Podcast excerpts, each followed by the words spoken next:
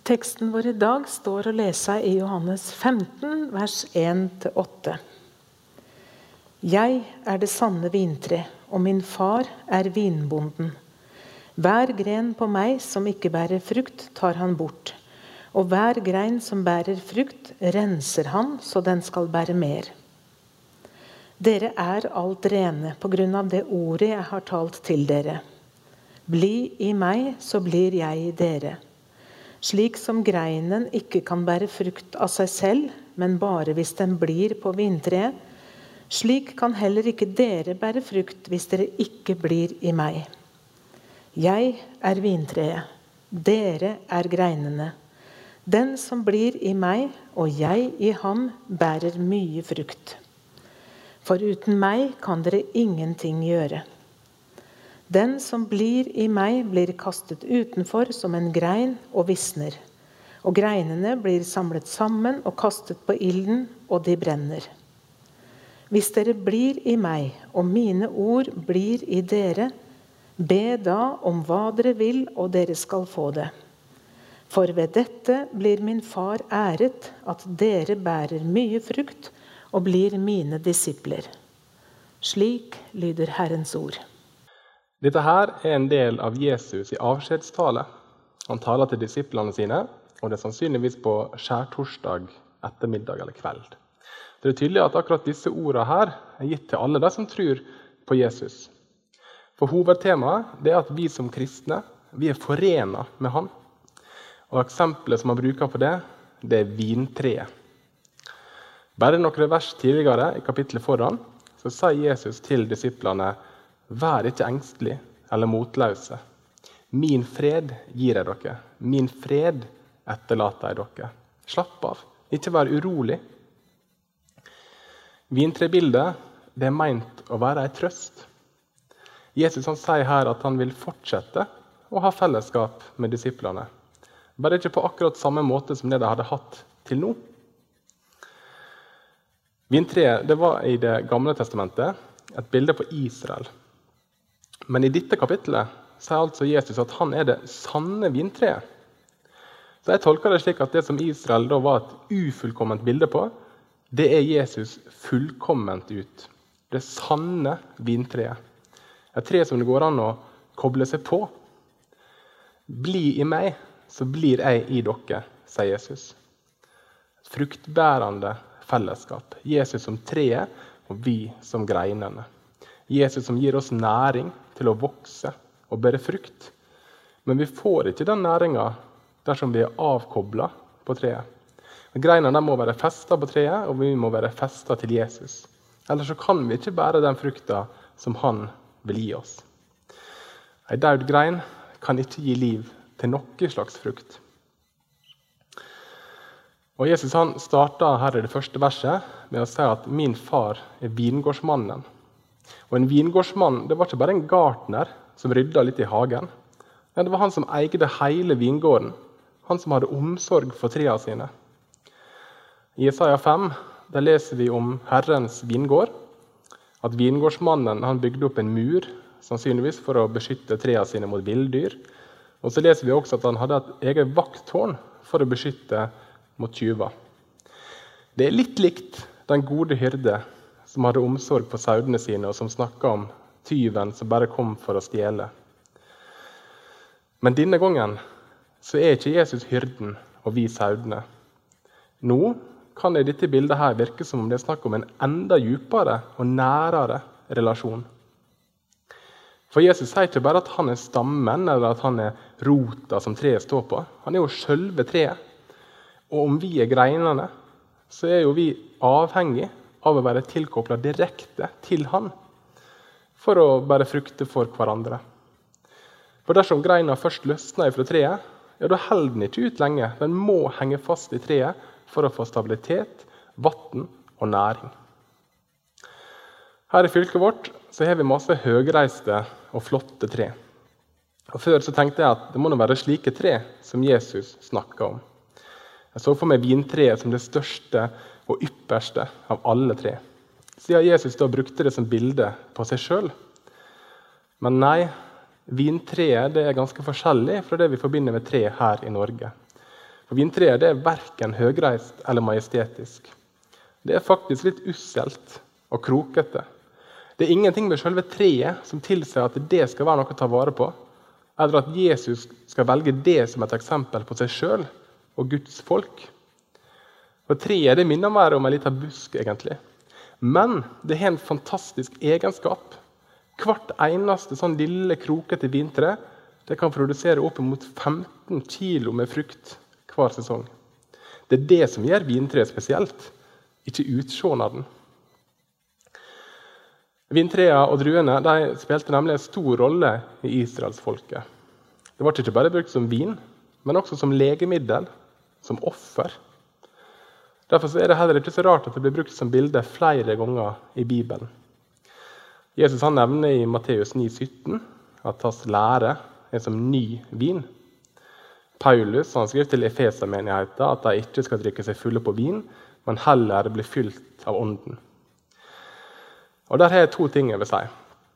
Og Det første er at det å bli fylt av Ånden det er en litt dårlig oversettelse. Eller det er en korrekt oversettelse, men vi i Norge har kanskje et litt dårlig språk. For I grunnteksten så ligger ikke dette som et avslutta verb. Det står til at når du er kristen, så blir du fylt av Den hellige ande. Punktum. Nei, Det som vi ikke får fram så klart på den norske oversettelsen, det er at dette står i presens. Det er en pågående prosess. Vi er avhengig av at vi stadig må bli fylt av Den hellige ande. Gang på gang, hver dag. Det er det ene.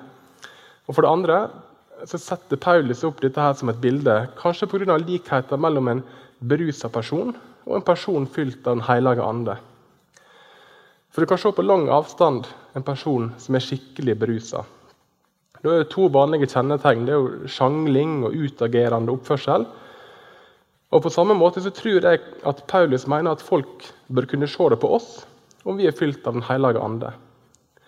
Om du sitter og hører på i dag og er kristen, ja, så har du Den hellige ande. Og Så kan vi merke det veldig noen ganger. Andre ganger så kjenner vi det kanskje ikke i det hele tatt. Men som kristen så har du Den hellige ande i deg. Vises det godt nok i ditt liv? Vises, vises det godt nok i mitt liv? Det er jeg jammen ikke sikker på, men det burde gjøre det. Jeg burde reflektere Kristus i lys av å være hans disippel. Folk burde kunne merke at jeg er en kristen på måten jeg lever på. Men jeg veit ikke om det er tilfellet.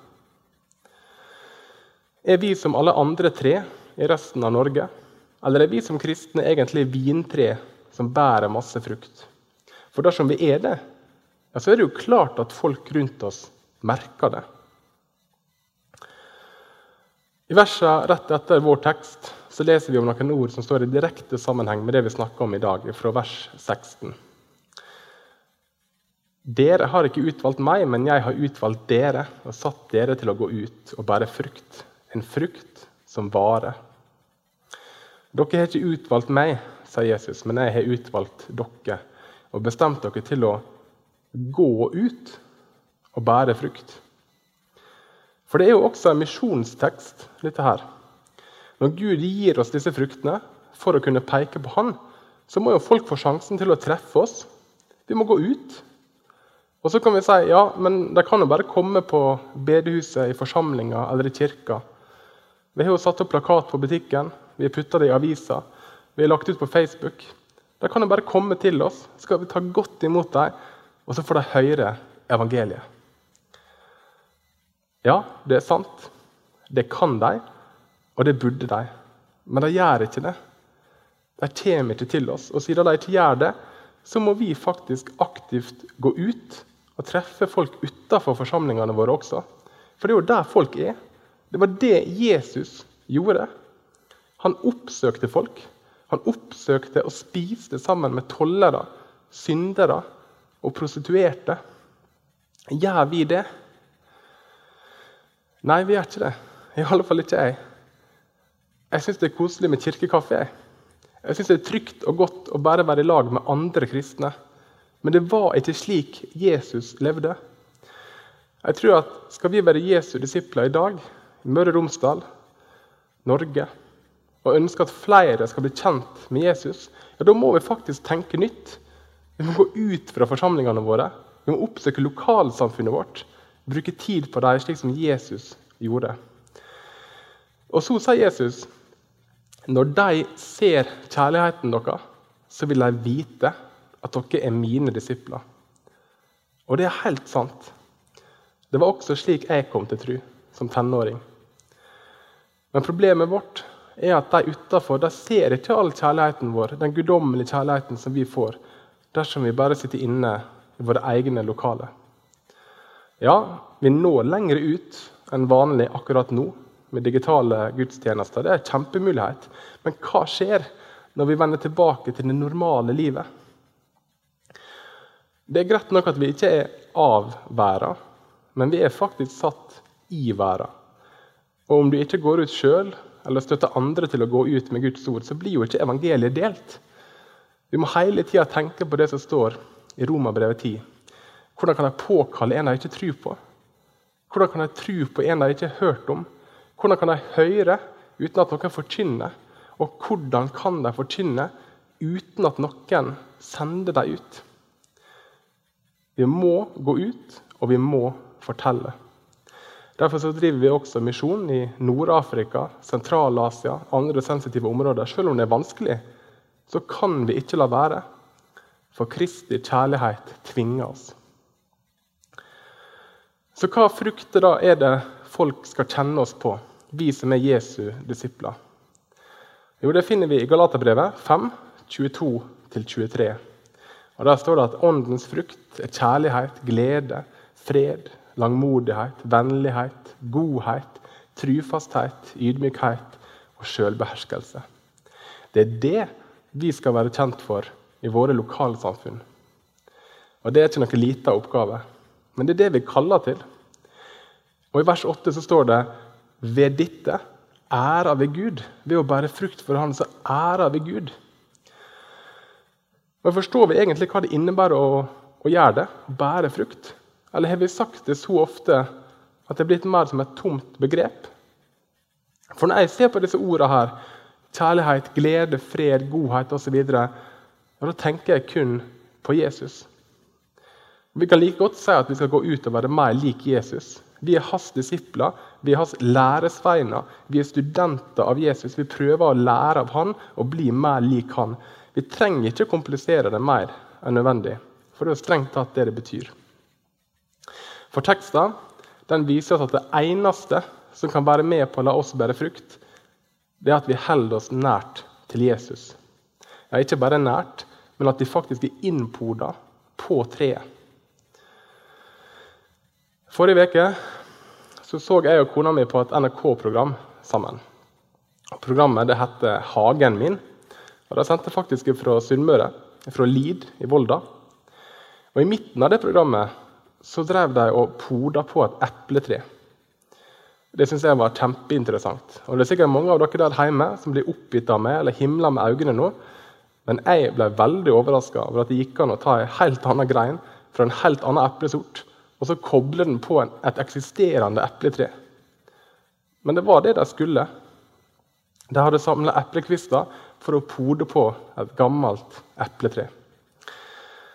Så her må jeg følge med, tenkte jeg. Nå kan jeg endelig forstå hva denne podinga betyr, som Jesus snakka om.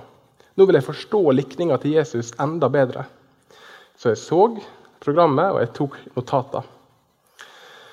Og for det første så var det slik at Kvistene de måtte være av eh, lik, identisk tjukkelse.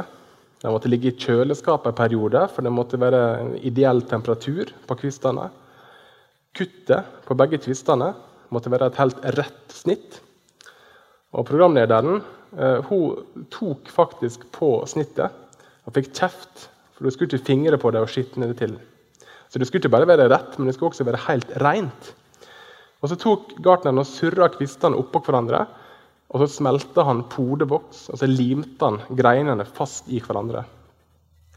Og Så avslutta programlederen med disse fire orda. Lykke til, lille eplegren.